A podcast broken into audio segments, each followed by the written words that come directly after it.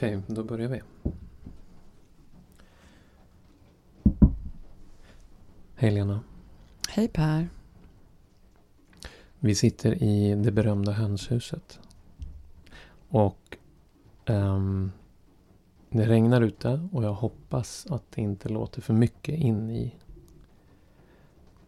i podden, i inspelningen med regnet. Men om det gör det så hoppas jag att du kanske kan njuta av det. Och känna myset. Det är väldigt mysigt här. Och inga höns för Nej. nya lyssnare. Inga höns. Vi har gjort, eller jag har gjort om det här huset till en liten meditationsstuga. Och så har jag också satt in en säng här så jag eh, kan gå in och ta en tupplur, vilket jag har gjort då och då. Och sen så nu är En det, tupp. Var du medveten om det? Första gången jag sa det så var jag inte medveten om det. Ehm, jag sa det på jobbet när vi hade så här, eh, när vi träffades för att eh, berätta hur sommaren har varit så berättade jag att jag hade gjort i ordning hönshuset och att jag tog små tupplurar där. Och då var det någon som sa det efteråt. Alltså, jag Gjorde du? Sa du det liksom som ett skämt? Och jag hade inte en tanke på det. inte alls. Jättebra. Nej, men det är väldigt mysigt att vara här inne. Så har vi ett tänt ljus och förhoppningsvis så är det bra ljud för det är mycket tyg här inne också. Och så en Eh, blandning. Doften är liksom en blandning av lite sådär fukt. Lite käll, källardoft och rökelse. Det påminner dig om Frankrike? Eller? Du, nej, Vart va- Frankrike? nej, men du var väl på något ställe där det var... Nej, Byron Bay i Australien. Just det. Eh, en... jag fick låna en skåpbil och sova i en natt. Eh, och det luktade så här ungefär. Mm. Och sen blev jag väckt på morgonen av en arg föreståndare för vandrarhemmet som jag egentligen bodde på. Eh, och som den här killen som ägde skåpbilen jobbade på. Och han var arg för att jag inte betalade trots att jag då sov i ja, typ den här skåpbilen som... Ja, han ville att jag skulle betala för att sova på hans område helt enkelt.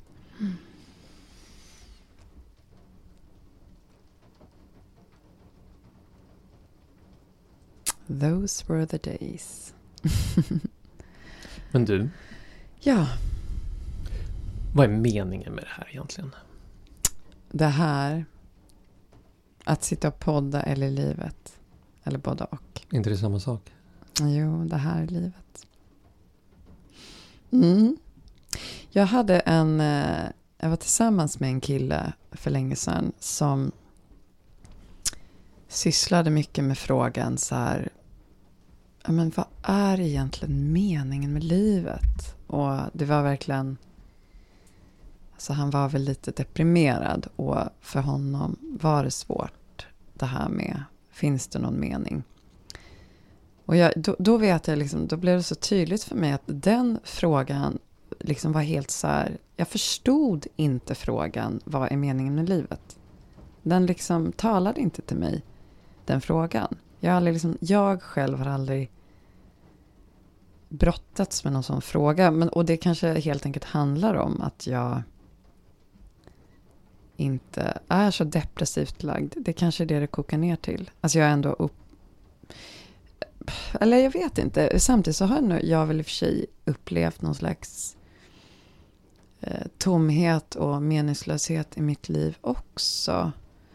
Men, men det här frågan, vad är meningen med livet? Som, som att det liksom skulle gå att besvara en sån fråga. Nej, den har känts helt stum för mig. Men däremot så, så tänker jag nog ganska mycket ändå. På sistone har jag tyckt att den frågan inte vad är meningen med livet, men så här, vad är meningen med det jag håller på med?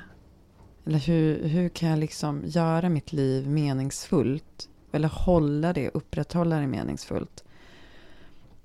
Det är nog en fråga jag har med mig ganska mycket faktiskt nu för tiden. Till exempel i, i mitt jobb till exempel. Där jag började blyga, smyga in sig en lite känsla av blaséhet. Som ju är eh, någon brist på inspiration och mening. Och då försöker jag liksom hela tiden hitta sätt att eh, hitta den här meningsfullheten i allt jag gör. Men det var inget svar på din fråga vad meningen är. Men vi kanske kan återkomma till det. Men om jag ställer frågan så här då. När upplever du mening?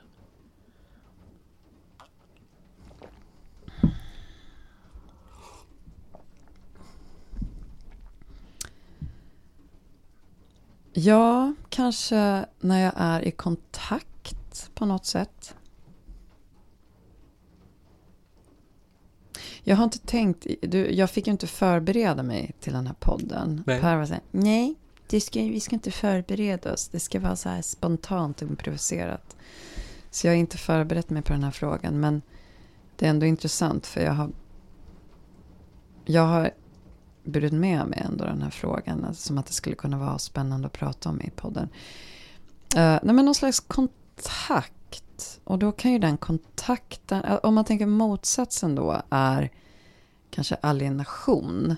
Att man inte känner kontakt med, och då är frågan med vad? Uh, och då tänker jag att med vad kan vara lite vad som helst. Uh, men kontakt med, med världen, kontakt med verkligheten, kontakt med sig själv.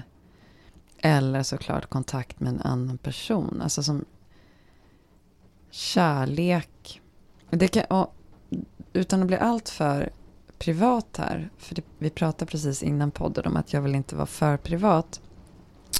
Även om jag vill vara personlig. Så tycker jag det är jättespännande i en kärleksrelation som den vi har. Hur känslan av eh, förhöjd livskänsla och mening kan verkligen eh, det kan verkligen skilja sig så från period till period beroende på om jag känner någon slags kontakt med dig. Du är inte den enda, men, men där, just med dig kan det verkligen gå lite upp och ner. Och känslan av intimitet kontakt på något sätt. Och hur, när den känslan finns, så blir allting bara så himla härligt. Och när den inte finns så blir allting liksom lite dött och livlöst. Och just att det inte handlar om om jag är älskad eller inte. Det är ju också viktigt, men, men att det faktiskt handlar om någonting i mig. Av att kunna ta fram den här förmågan till att vara i kontakt liksom, med dig och med den här känslan av eh, enhet, samhörighet, kontakt på något sätt.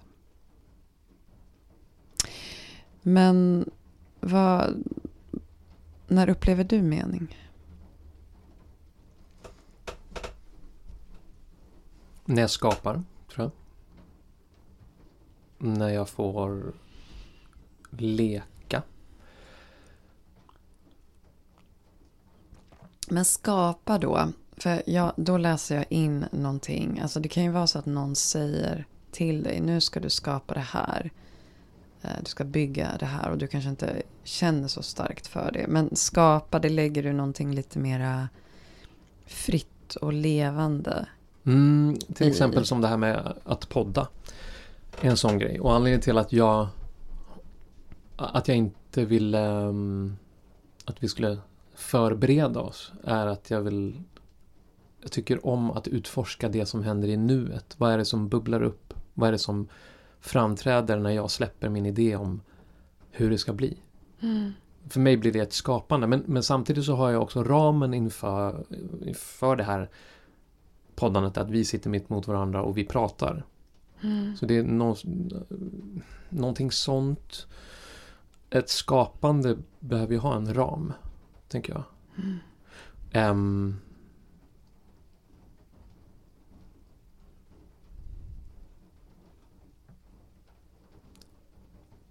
men jag kan också uppleva skapande om jag blir ålagd att göra en uppgift.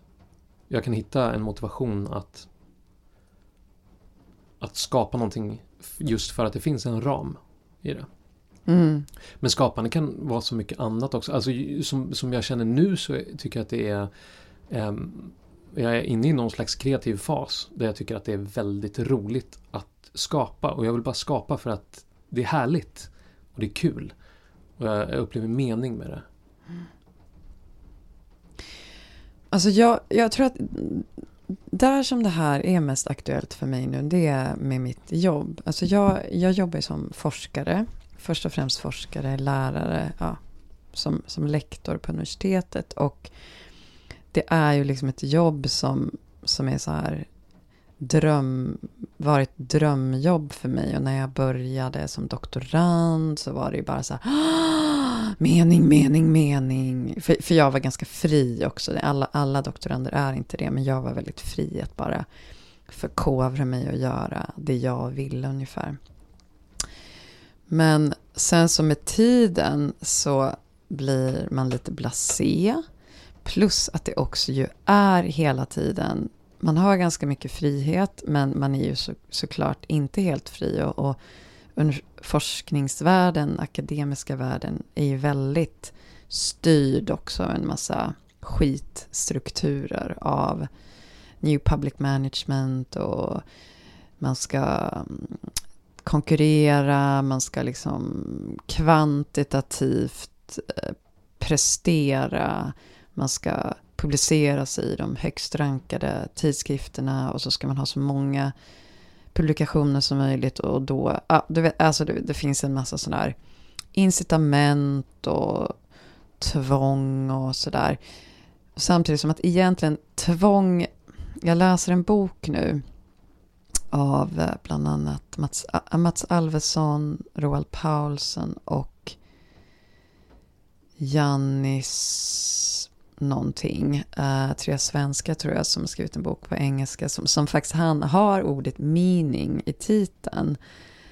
Uh, nu kommer jag inte ihåg titeln men de är väldigt kritiska mot väldigt mycket av den forskning i samhällsvetenskapen som görs idag. Att den är liksom meningslös för den styrs, den styrs av en massa så yttre uh, faktorer om hur, vad som är bra forskning som är liksom ofta inte leder till någon spännande forskning.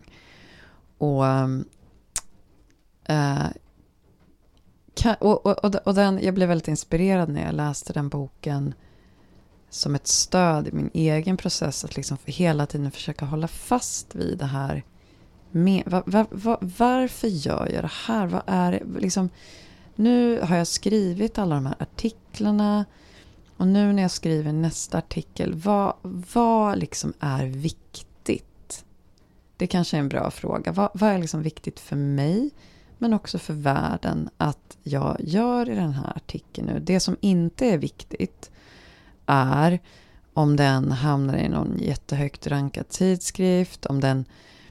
Eller ja, det kan ju vara viktigt om man liksom vill få ett bättre jobb och då vill man ha ett bra CV och så kanske i och för sig. Det, det kan väl vara okej att vara lite instrumentell ibland. Men, men det finns, jo det de skriver nämligen på ett ställe i boken är att man har ändå rätt stor frihet i det här yrket. Alltså vi kan välja att gå emot många av de här idéerna om hur man ska göra.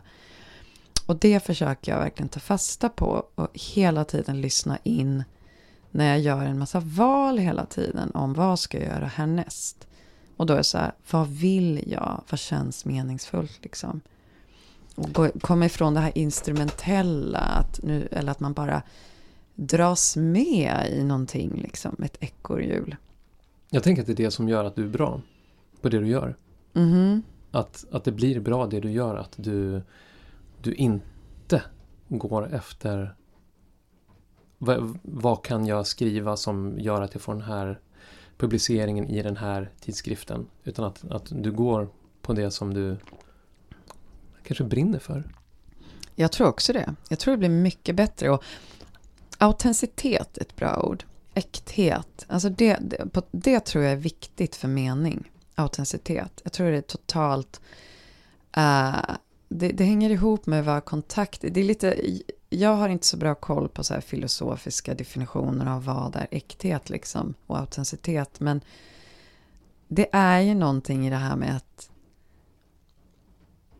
Alltså när jag jobbar så kan jag i varje ögonblick försöka liksom vara autentisk och inte... Eh, eh, det, mot, liksom så här, vara sann mot mig själv när jag ska uttrycka något. Vad är det egentligen jag menar här? Vad är det egentligen som jag vill säga här? Istället för att fastna i någon sån här akademisk jargong eller ja men det här låter bra till exempel. Det här gillar de, de som ska bedöma mig. Men också när jag har ett möte med medarbetare i egenskap av att jag har lite ansvarspositioner att i, i, i mänskliga möten kan man ju ganska lätt, tycker jag, jobba på det här med att liksom kommunikation, vara autentisk, söka kontakt istället för någonting annat. Som man hela tiden, mång, rädslor som gör att man kanske istället hamnar någon annanstans i kommunikationen. Så ja, tycker du också att autenticitet, eh, autenticitet äkthet, är det något som resonerar med dig? Det ordet liksom.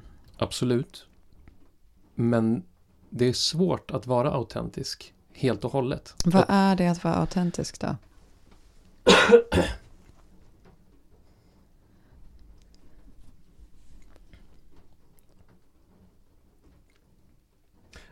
För mig så tror jag att det är att vara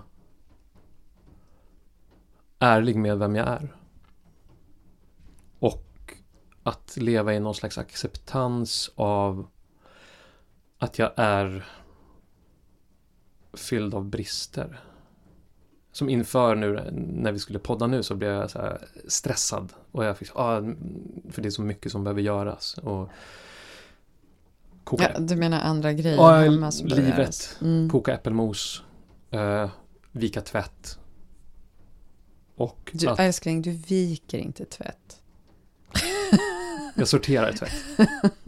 um, nej men uh, att och, eh, och att vara okej okay med att, att och kanske till och med vara ärlig med att det hackar i mig, det, det, det är svårt just nu. Jag tänker att det kan vara att vara autentisk. Att vara transparent, att vara ärlig, öppen och att leva i um, alltså en, en bildlig nakenhet tänker mm. jag, är att vara autentisk. Um, I mitt jobb med mina elever så försöker jag vara autentisk. Jag, där har jag tänkt mycket på det här med att ha en lärarroll. Och att eh, vara Per. Och ju mer, ju längre tiden har gått, ju mer erfarenhet jag har fått i läraryrket, desto mindre lärarpersona har jag. Och jag upplever att jag blir bättre som lärare också på ett sätt. Alltså jag blir mer erfaren, mer luttrad nu och jag har inte samma så här, eldiga passion att så här, åh, kolla den här stenen. Eh, att jag blir eld och lågor. Fast jag har det ganska mycket fortfarande. Men jag har inte den här eh, enorma energin som jag hade förut. Men jag har någonting annat och jag, jag känner att jag har landat mer i att vara en lärare. Och att jag är Per. Och att jag vågar vara Per i relation med eleverna. Och det finns en skillnad där mellan att vara privat och personlig. Och jag känner att jag kan vara väldigt personlig därför att jag har ett väldigt stort privat inre utrymme. Att det finns mycket som jag kan bjuda på som jag känner att det här är inte privat utan det är personligt som jag gärna ger till eleverna därför att jag är en människa. Jag står som människa där med dem. Mm. Och det är det som jag upplever ger mening. Mm. Att det blir meningsfyllt att så här, vi är människor som träffas på den här platsen tillsammans en kort stund. Och huvudsyftet för mig är inte att jag ska slussa in er in i samhället så att ni ska bli en del av det ekonomiska maskineriet utan meningen är att du ska få upptäcka vem du är i relation till mig och vice versa. Typ så. Jag, jag, nu kommer jag att tänka på en, ehm, Alltså med ordet vad är meningen med livet eller vad är meningen med det jag håller på med. Det finns ju liksom, det känns som att vi har ju pratat mest om det här inte någon slags instrumentell mening att liksom det jag gör ska leda till att världen blir bättre eller några sådana här grejer. Och där, utan mer, jag tänker på ditt samtal med Daniel Pettersson. Som jag eh, spelade in förra helgen ah. och som finns i podden Människan och naturen. Precis. Lite reklam, jag är bra på det där. Eh, nej men han, alltså när han, för om, om man tar den här sidan, den typen av mening som kanske vi är inne på mest nu, så tänker jag, ja men hur vet man då att det finns där, det där autentiska kontakten? Och då pratar ju han om det när han gör konst eller tittar på konst, uh, tar in konst, liksom att det, det bubblar till, eller liksom han, det, det händer någonting emotionellt. Och, och, det tänker jag väl att det, det, är, det finns någon sån grej som, som är kroppens um, signal om att nu är, vi, nu är vi inne på något meningsfullt här. Men och jag tror eh, att till exempel med, min, med mitt arbete, precis som du var inne lite på, att när jag går på den känslan, då är det också då jag gör någonting som blir bra för världen. Liksom. Så det, det är en väldigt hoppfull eh, världsbild jag har där. Alltså, det skulle jag, alltså, den typen av syn har jag väldigt mycket. Att jag tror att går man in i sig själv och hittar det som är autentiskt, då kommer man att göra gott också för världen. Jag tror inte det finns en konflikt där. Men sen är det klart att det kan finnas liksom härliga känslor eh, som man kan gå efter. Typ att man vill knarka eller för det är härligt. Alltså begär mer. Eh, som kan leda en fel och göra att man absolut inte gör gott. Men, men, men eh, och det är ju en stor diskussion hur man eh, på något sätt då hittar det som ligger djupare och är mer autentiskt. Men, men det är ändå liksom, det är min det är min tro, att det finns egentligen ingen konflikt där. Om man är i kontakt verkligen med sig själv, då, då, då tror jag att om man gör något som är dåligt för världen, då kommer det skava lite. Liksom. Eller något som är meningslöst och inte leder någon vart. Liksom. Och lite grann tycker jag ändå så här, jag, det är ju skattepengarna som betalar mitt jobb, min lön. Lite grann måste man ju också tänka då, vad, vad leder det här till liksom? Mm. Jag tänker att det här är en jättestor fråga. som som ja. är jätteviktig för vår tid. Ja. I vårt mm. samhälle. Mm. Vad, mm. vad, vad ger mening? sådär på riktigt, på djupet. Vad, vad är det som är meningsfyllt? Mm. Meningsfullt? Jag tror att det, jag, jag har gått runt och tänkt på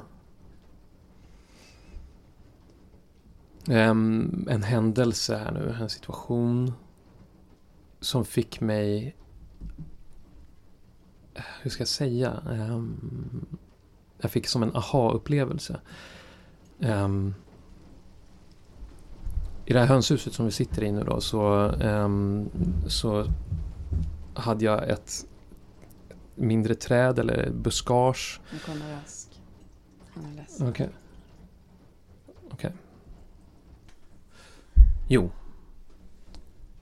Det var en situation um, där jag skulle ta ner ett uh, träd. Och um, träd, delar av trädet hängde över hönshuset här. För jag, jag ville ta upp så att det blev mer ehm, ljus in hit. Och så ser jag att om jag sågar av den här delen av trädet då kommer den att falla ner på hönshuset. Vilket inte är så bra. För det kan ju skada taket då. Och då så var våra två barn hemma och deras två kompisar var här. Och så sa jag till dem så här, men hörni nu får ni ta och hjälpa till här lite grann. Och jag, jag fäste ett rep runt den här delen av trädet och så skulle de dra i repet medan jag sågade så att det inte skulle falla ner på hönshuset. Um, och jag sågar och sågar så, så uh, ropar jag okej okay, nu kan ni spänna linan och så kan ni börja dra. Och så drar de och drar och så går den här delen av trädet av och rasar ner, fast inte på hönshuset, utan bredvid hönshuset, precis som var planen. Och de, de jublar när de har gjort det. Och för mig var det en aha-upplevelse av någon slags ursprunglighet. I att de gjorde någonting tillsammans som var av faktiskt värde. Jag hade inte klarat det utan dem. De, de, jag sa det till dem, så här, jag, jag, måste ha er hjälp, jag kan inte göra det här utan er. Eh, och att de, de gjorde någonting som var bra för oss. Och de fick testa sin styrka. Men det var ingen tävling i det.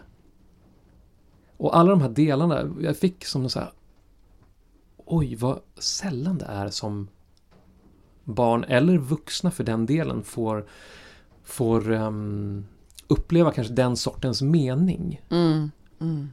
Idag. Mm. Ja, idag, i samhället. Och jag tänkte att, att men de här... Det finns massa så här pseudovarianter av det här. För jag tror att det här, jag, jag tror att människan, nutidsmänniskan, är mycket mer primitiv än vad hon vill erkänna. Jag tror att det finns eh, någonting som är djupt, djupt primitivt. Att vi är fortfarande en stam, en sta, stammänniska. Mm. Och det är väl ganska belagt av forskning ja, också. Så. Precis. Mm. Um, och i, i ett kollektiv så värderas det jag gör. Alltså det är viktigt för oss att jag går ut och samlar de här blåbären. Eller det är viktigt för oss att jag syr de här skorna eller vad det nu kan vara för någonting. Att det är någonting som vi, ja men du är viktig. Um, och du kan bidra med någonting. Varje, varje individ är liksom viktig. Mm. Men i, i vårt samhälle nu så har vi blivit så individualistiska. Och vi har um, de här pseudovarianterna på det här tänker jag. Så, men att, att spela fotboll är ju en variant av det här att man, liksom, man åstadkommer någonting. Men där finns det här tävlingsmomentet med också. Att det är någon som förlorar också. Och det är kanske mer den här krigiska ådran som människan har i sig. Mm. Och som schimpanserna också har i sig. Men det är ju också ett sätt att, så här, att, att just skapa den här spänningen som man vill ha. Alltså det, det är jag vill vinna, jag kämpar för att vinna, men det kan vara så att jag förlorar. Mm. Att man inte kan ta någonting för givet. Det, liksom att man får den, mm. det spännings... Alltså, man måste man anstränga sig liksom. Mm. Nej, men jag, jag, tänker på det och det här tangerar ditt jobb och jag, jag, jag du behöver inte säga någonting som, om det. Men, men jag tänker på de här männen som, de förlorade männen i vårt samhälle. Som, eh, som saknar ett sammanhang och saknar en mening. Och att i, i en annan, i ett annat samhälle kanske det hade funnits mycket mer meningsskapande aktiviteter. Mm. Och det är, samma, det är väl förmodligen samma sak för kvinnor eller oavsett vem. Att det, vi, vi längtar efter mening tror jag. Och vi, vi, vi försöker hitta det i sånt som på ytan verkar vara meningsfullt. Alltså att man gör ett snyggt inlägg, man skapar ett content. Men det är hela tiden på jakt efter någonting annat. Det, det mm. finns någonting som driver det, som är, skapar också en otillfredsställelse.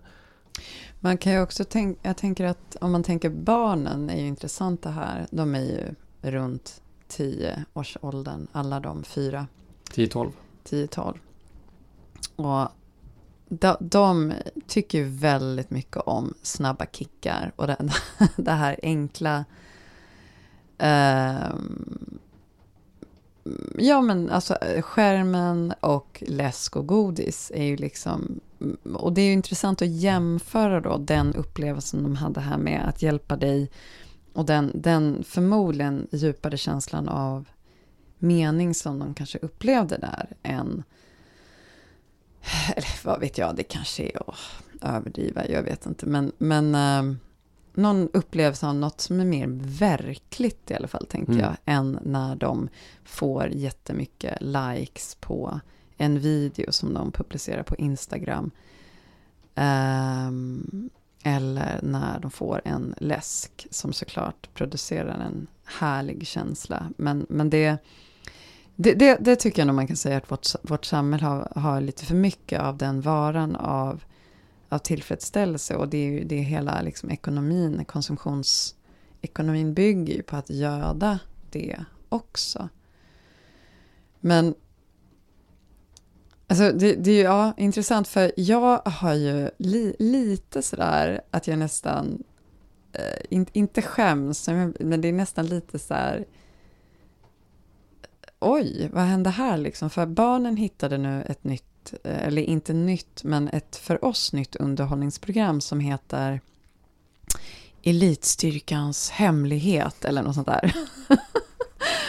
som, som, där är före detta eh, militärer som, som var med då i någon sån här elitstyrka, svensk elitstyrka. Och sen så tydligen finns det här då i andra länder också, det här programmet. Och sen så iscensätter då de någonting som liknar de här inträdestesten där, där de provar då rekryter om de klarar av att vara med i det här. Och, och så är det så här så jäkla hårt och tufft och de pressas liksom till bristningsgränsen. De här, ja, det är en reality show liksom. Man får se när folk bryter ihop och sådär. Och jag tycker det är så kul och intressant. Ehm, Vad är det som fångar dig med, vad är det som fångar dig med det?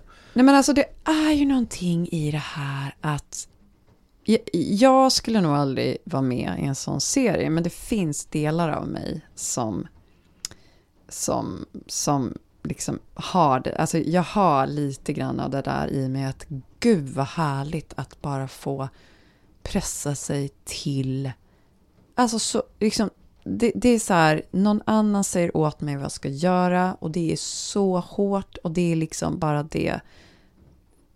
Det är det enda fokuset att jag ska klara det här. Och det spelar ingen roll om jag är hur trött som helst, har jätteont, gråter. Alltså så här. Och det är så här.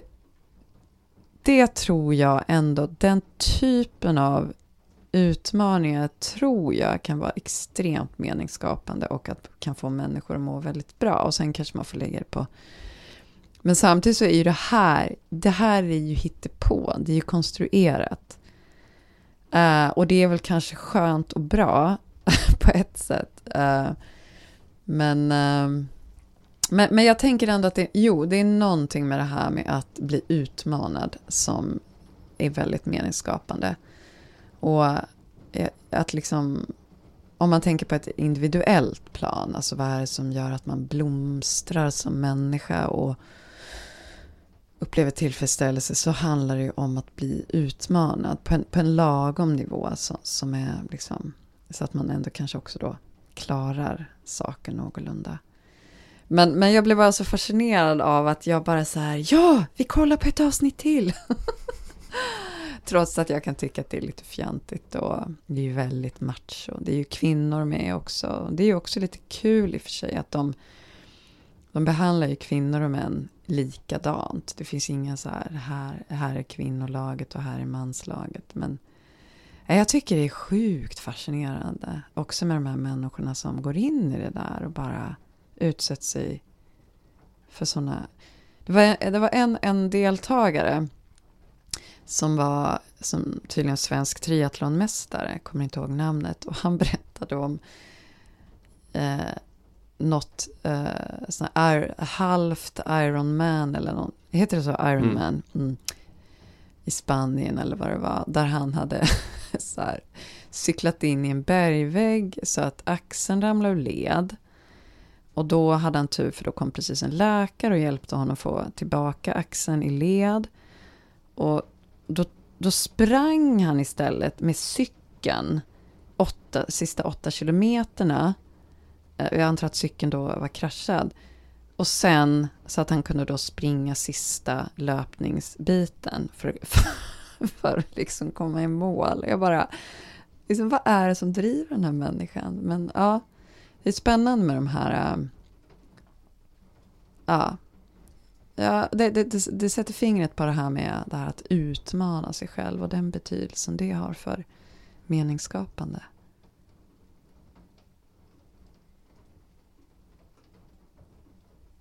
Mm. Jag tänker i... i um, jag är lite grann av någon slags liten kris eller utvecklingsfas eller vad man vill kalla det för. För jag insåg att, vänta, ska jag åka till jobbet och tjäna pengar så att jag kan gå och köpa blåbär på Will, Willys eller någon annan Reklam. affär. Reklam. Ja, precis. Mm. köpa blåbär på någon affär. Som är plockade av uh, någon stackars thailändsk person som är underbetald. I jag... Polen eventuellt. Ja, precis. Ibland köper man precis. från um, Polen. Eller, eller ska jag använda tiden till att gå ut och plocka blåbären själv? Och jobba det, det, är, det är någon slags, mm. ja, det är, det är någon slags det är en bild av någonting som jag känner djup som ligger någonting som, som ligger djupare i mig. Det här med att, att jag vill samla ihop mig själv. Därför att jag, jag upplever att jag blir så splittrad av att, att gå till ett arbete som um, jag, jag, blir väldigt stressad. Det är otroligt meningsfullt men jag blir väldigt stressad um, och, och, trött. Och jag vill någonstans um, bli mer närvarande i det som jag gör. Jag upplever mycket mening när jag påtar jorden. Eller när, när jag får skörda grönkål, till exempel. Mm. Men att, du att, sa samtidigt att det är jättemeningsfullt, ditt jobb. Ja, med att, att vara med unga människor. Mm. Jag tycker jag är väldigt meningsfullt. Men det är liksom stressen som för samtidigt ja. så säger du att det är mer meningsfullt att påta jorden. Jag skulle inte säga att det kanske är mer meningsfullt. Men jag mm. upplever stor mening och jag är inte helt färdig med det här heller. Det är Nej. någonting som pågår i mig just nu som jag jag, jag håller på att sondera. Vad, vad, är det här för någonting? Mm. Att vara um, Det är som två olika världar på något vis. Världen som är här och, och den världen som är här på gården när jag landar så upplever jag den som otroligt meningsfull. Och jag har...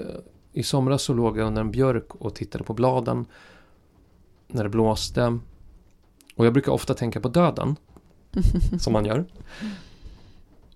Och när jag är i, i det, att gå omkring i naturen, då upplever jag att eh, tanken på döden, eller att mitt liv faktiskt är ändligt, är helt okej. Okay.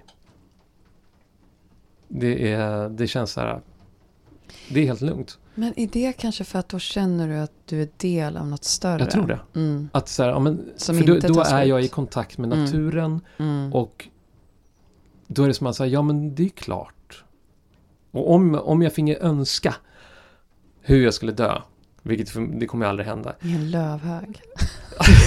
bli komposterad och bli morötter. Mm. Nej, att så här, att få att få ligga under en björk och, se en, och lyssna på, eh, på björklöven. Mm. Det skulle vara Fan vilken schysst avslutning. Jag ska försöka fixa det. Åtminstone ligga här i hönshuset. Med öppen dörr. Nej men det är någonting där som jag, jag, jag, upplever väldigt starkt nu som är det här med att, att, att, vara, i, att vara i naturen, att, att vara nära naturen, nära naturen i mig själv. Och jag, även om vårt samhälle är sprunget ur naturen så är det någonting som är producerat av ehm, eller, eller bildat från någonting som ligger längre ifrån min egen natur i alla fall, som jag upplever det. Alltså det, det är det här girighet, det, det är pengar ehm, och pengar blir liksom ett medel för att leva. Och sen helt plötsligt så så blir det bara det som är själva drivkraften. Mm. För att man ska utbilda barn. Vi ska konsumera mera för att öka den ekonomiska tillväxten. Det är som att det har blivit en, en masspsykos av att bara vi, vi måste konsumera. Och pengar är det som är det viktiga. Och jag, men det är väl, jag tycker att det här, den, den upplevelsen du pratar om, den här krisen, det, det är ju ett lite fint exempel på hur, alltså, du som individ kommer i kontakt med dig själv i den situation du befinner dig i. Och då, och så upplever du konflikt. För det är, den konflikten du upplever, det är ju en samhällelig konflikt. Alltså att vi har ett, ett ekonomiskt system som inte är hållbart. Och det är inte hållbart för dig som individ heller. Och det tror jag liksom... Uh, ja, det, det, alltså lite det jag vill säga är så att om man liksom känner efter vad som faktiskt verkligen känns rätt och bra för en själv. Så tror jag det kommer ge, peka mot en väg som också är bättre för samhället. Att den här inre konflikten speglar en yttre konflikt. Och sen är ju då frågan hur man då ska försöka du kan ju göra någonting som individ för att ta dig ur det. Men det kanske inte kommer lösa då de här samhällsproblemen. Men eh, det, är väldigt, det är en väldigt eh, intressant bild tycker jag det här med blåbären. Att man liksom jobbar för mycket så man inte hinner plocka blåbär. Så har det varit för mig. Vi ja. har ju hur mycket blåbär som helst runt om. Och vi äter hur mycket blåbär som helst. Men nu i år så har vi ju hunnit plocka blåbär. För ja. att du har haft din lilla kris. och så liksom. Det känns ju så skevt. Att liksom åka och köpa de här frysta blåbären. Det är så konstigt uh. också att det är en politisk handling att gå och plocka blåbär. Mm. Mm.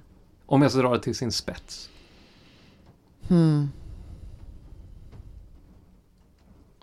Men ja, jag tycker i alla fall att um, jag känner att det finns en mening med livet och även om världen kommer gå åt skogen så um, men, men just det, det där på tal om det här att göra gott för världen, om man tänker lite, liksom lite mer politiskt. Jag, jag är ju politiskt intresserad, jag är kritisk till um, det kapitalistiska och patriarkala system vi lever i och jag tycker att människor har ett ansvar att agera politiskt mot det. Uh, jag själv gör inte jättemycket men, men, men jag känner ju att um, för att jag ska känna att mitt liv är meningsfullt så behöver jag nu har jag ju till exempel engagerat mig i en liten lokal skogsaktivistgrej här som är väldigt viktig och det, det, har känts, det har känts verkligen meningsfullt. Men kan vi inte säga vad det är? Det är ju superviktigt. Ja, det är ju Garphytteklint. Det är, är en skog som hotas att avverkas med massa rödlistade arter och sådär. Och um, men ja, det, det har liksom känts... Alltså in, för jag har varit ganska dålig på att engagera mig politiskt länge på grund av tidsbrist väldigt mycket. Och att jag behöver leva ett liv som där jag inte stressar ihjäl mig utan jag måste vända mig inåt för att må bra. Och det, det kommer faktiskt först. Um, men det har känts väldigt meningsfullt att liksom göra någonting mer. Och jag skulle det skaver i mig att jag inte gör mer.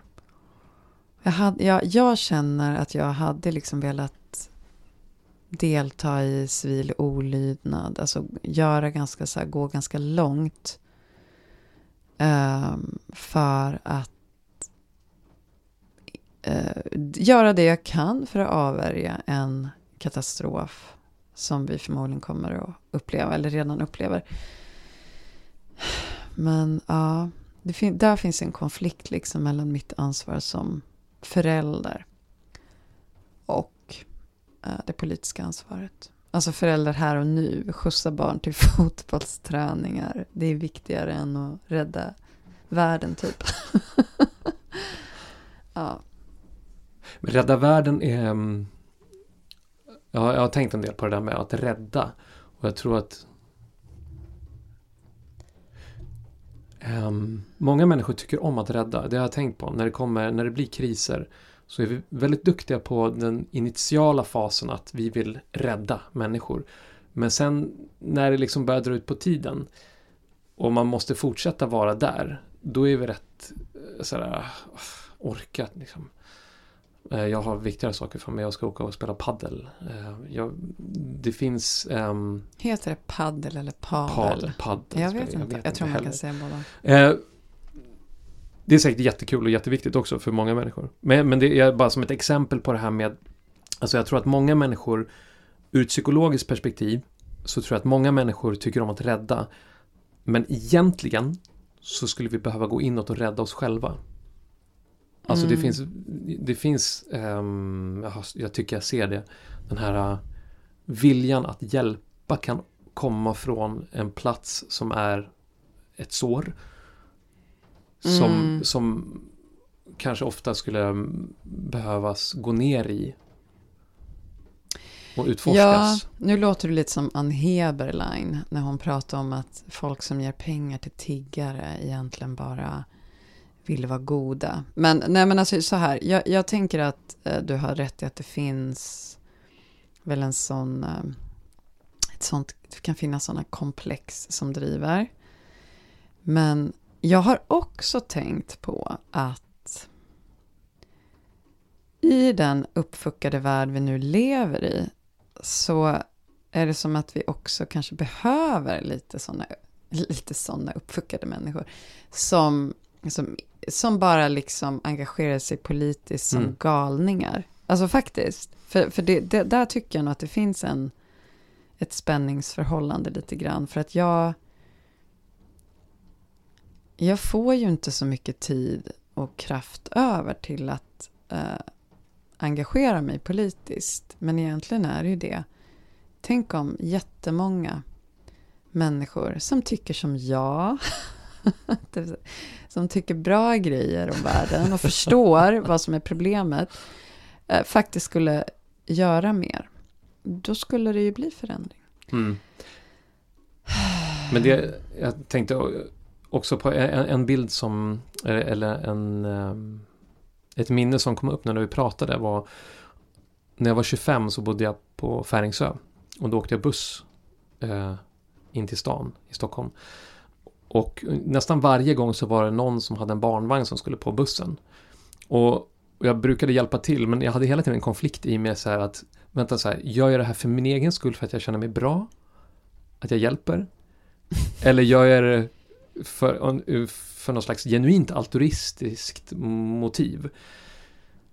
Och sen kom jag fram till skitsamma. Ja. Barnvagnen måste upp på bussen och människan behöver hjälp. Ja, men precis. Mm. Just det. Ja, men det, just det. Du kanske tänker nu också på den här eh, mannen som du kollade lite på för någon månad sedan. Han som klimataktivist som där han blev liksom ställd mot väggen. Är det här bara dina barndomstrauman som du... Ja, just det. Han hade varit utsatt för våld och liksom... Han hade mycket ilska i Mm. sig som han liksom använde politiskt. Och så blev han lite ställd mot väggen. Liksom, vad är det som driver dig egentligen? Är det bara dina barndomstrauman? Och då var väl hans svar typ någonting att ja men vadå? Det här behöver göras liksom. Ja, problemet finns ju kvar fortfarande. Mm. Ja. Precis. Men nu, tillbaka till verkligheten. Du, Ja, kanske är dags att börja runda av, men podden, ja, du har ju varit väldigt drivande med det här att vi ska börja podda. Och jag Ja. hakar på, tycker det är kul. Fast du är mycket mer eldig och ettrig än jag med att vi ska podda. är det här sista avsnittet nu som du ska komma till? Nej. Men det, det, är ju, det är ju någonting som känns väldigt meningsfullt med dig och för mig också med podden, eller hur? Jag tycker det är superkul. Ja. Och jag, jag vill... ehm, det, det är det här med att, att få skapa någonting. ja. Men jag märker också att sociala medier kan vara... Jag tog en paus från sociala medier i somras. Jag var väldigt restriktiv med både... Podd är också sociala Ja, ja, medier, men, så att du vet men det. låt mig komma till saken nu. Mm. Ehm, jag tog en paus från sociala medier, eller var väldigt restriktiv och väldigt restriktiv med internet och skärmande. Och så satt jag och mediterade mycket. Och var mycket med mina drömmar och var mycket i naturen, var mycket på gården. Och, eh, och då kom jag, var det som att jag, jag kom i kontakt med någonting djupare i mig. Som jag kände att oh, det här vill jag ta med mig in i min vardag. Vilket är jättesvårt. Eh, men jag kom in i ett skapande. Och det här skapandet är nästan någonting heligt, känner jag. Att det är så här, åh, jag vill bara, det är som ett litet barn som jag vill liksom så här låta få, få leva. Mm. Men när jag sen lägger ut det jag har skapat på sociala medier, det är som att då måste jag verkligen bara säga, okej, nu har det här, nu är det ute, nu måste jag släppa det här. För när jag börjar bry mig om vad, om folk, vad, vad folk tycker om det, att det inte är någon som gillar det eller någonting sådär, då är det bara då är det någonting som drar igång i mig som är verkligen själsdödande Mm. och som, som stryper kreativiteten. Mm. Och meningen. Eller men- då skulle ja. det vara, då är det mer som bara ungar som, ah, jag ska få så många likes det går. Ja, här." precis. Ja, liksom. Ask har ju varit, helt så här eld och lågor över att han har fått så här, över 30 000 likes på en, på en video som han har gjort. Men det, äh, det är ingen film med det heller. Men, men jag, jag känner det här att, att ja, min konflikt, Mm det river i mig. Det, det är ju någonting där. Och för samtidigt så är det ju så att varför skulle vi publicera det här om vi inte vill att folk ska lyssna på det? Det, det, jag har ju också funderat på vad, vad är meningen med den här podden? Vad är meningen med att vi liksom, varför kan vi inte bara sitta och prata om det här utan att folk ska lyssna på det? Uh, men men det, det, för det är ju någonting med att eh, det händer någonting när det görs publikt. Och eh, det är ju då någonting som vi tänker att det här kan vara meningsfullt för andra än oss. Eh, annars skulle, varför skulle vi, för samtidigt så är det ju också någonting som händer som egentligen är bara mer här och nu, att det är roligt. Alltså det det blir spännande samtal som är för dig och mig är det roligt. Som, och det hjälps av det är klart att vi skulle kunna sitta och prata om de här grejerna utan att spela in, men att formatet skapar en struktur som gör det här samtalet möjligt och som Ja, att, att det är liksom bara skapandet i nuet också som är meningen. Men, men det där har jag, det, det är någon dubbelhet i det där som, som ju är, det tänker jag att det är i hela livet med mening, vad som är meningsfullt. Att det, det, det liksom finns hela tiden det här, här och nu. Men det handlar ju ändå, vad, liksom, vad, vad gör jag, vad leder det till? Liksom, också finns ju på något sätt med. Liksom. Mm. Jag kommer att tänka på stoff och form. Och äm, att, jag tror att det är Schiller som, som pratar om det. Och att människan är fri när hon leker. Mm, Att det, för att vi ska kunna skapa så behövs det också en ram. mm, han är nog inte den andra som, enda som, men bland annat han då. Mm. Ja, Mm, ja, att det, Mm. ja. Och, och att, att, att vi lever i det samhället som vi gör skapar ju faktiskt möjligheten för mig att kunna leva det liv som jag gör nu. mm. Och att, ja, Men det, tillbaka till den här tidigare pojkvännen till mig som här, men vad är meningen med livet liksom? Jag tror att det är någonting i det här, att det är som att, det, det, som att meningen ska vara någon grej som man kan hitta. Jag menar, det är, det är ju liksom, det handlar ju om att hela tiden vara här och nu. Och i det som är. Det är det som på något sätt också är autenticiteten liksom. Och det är ju motsatsen till att det ska vara något tydligt mål eller någonting. Som man kan definiera.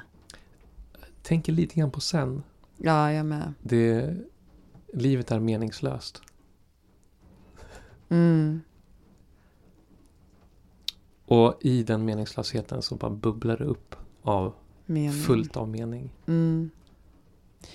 Precis. Eller, och det kanske egentligen är så här, egentligen tänker de nog inte att det är meningslöst, men vi måste släppa idén om att det ska vara meningsfullt för att hitta det där bubbla, bubblet. Det blir en bra avslutning tycker jag. Superbra avslut. Ja. Nu ska jag gå och sortera tvätt. Kanske vika den också. Nej, Den skrynkliga tvätten. Ja, Hej då. hej då. Eller du som lyssnar. Du kan kolla in ehm, vårt lilla Instagramkonto som heter Overfrukostbordet. kan du göra. Om du vill. Hej då.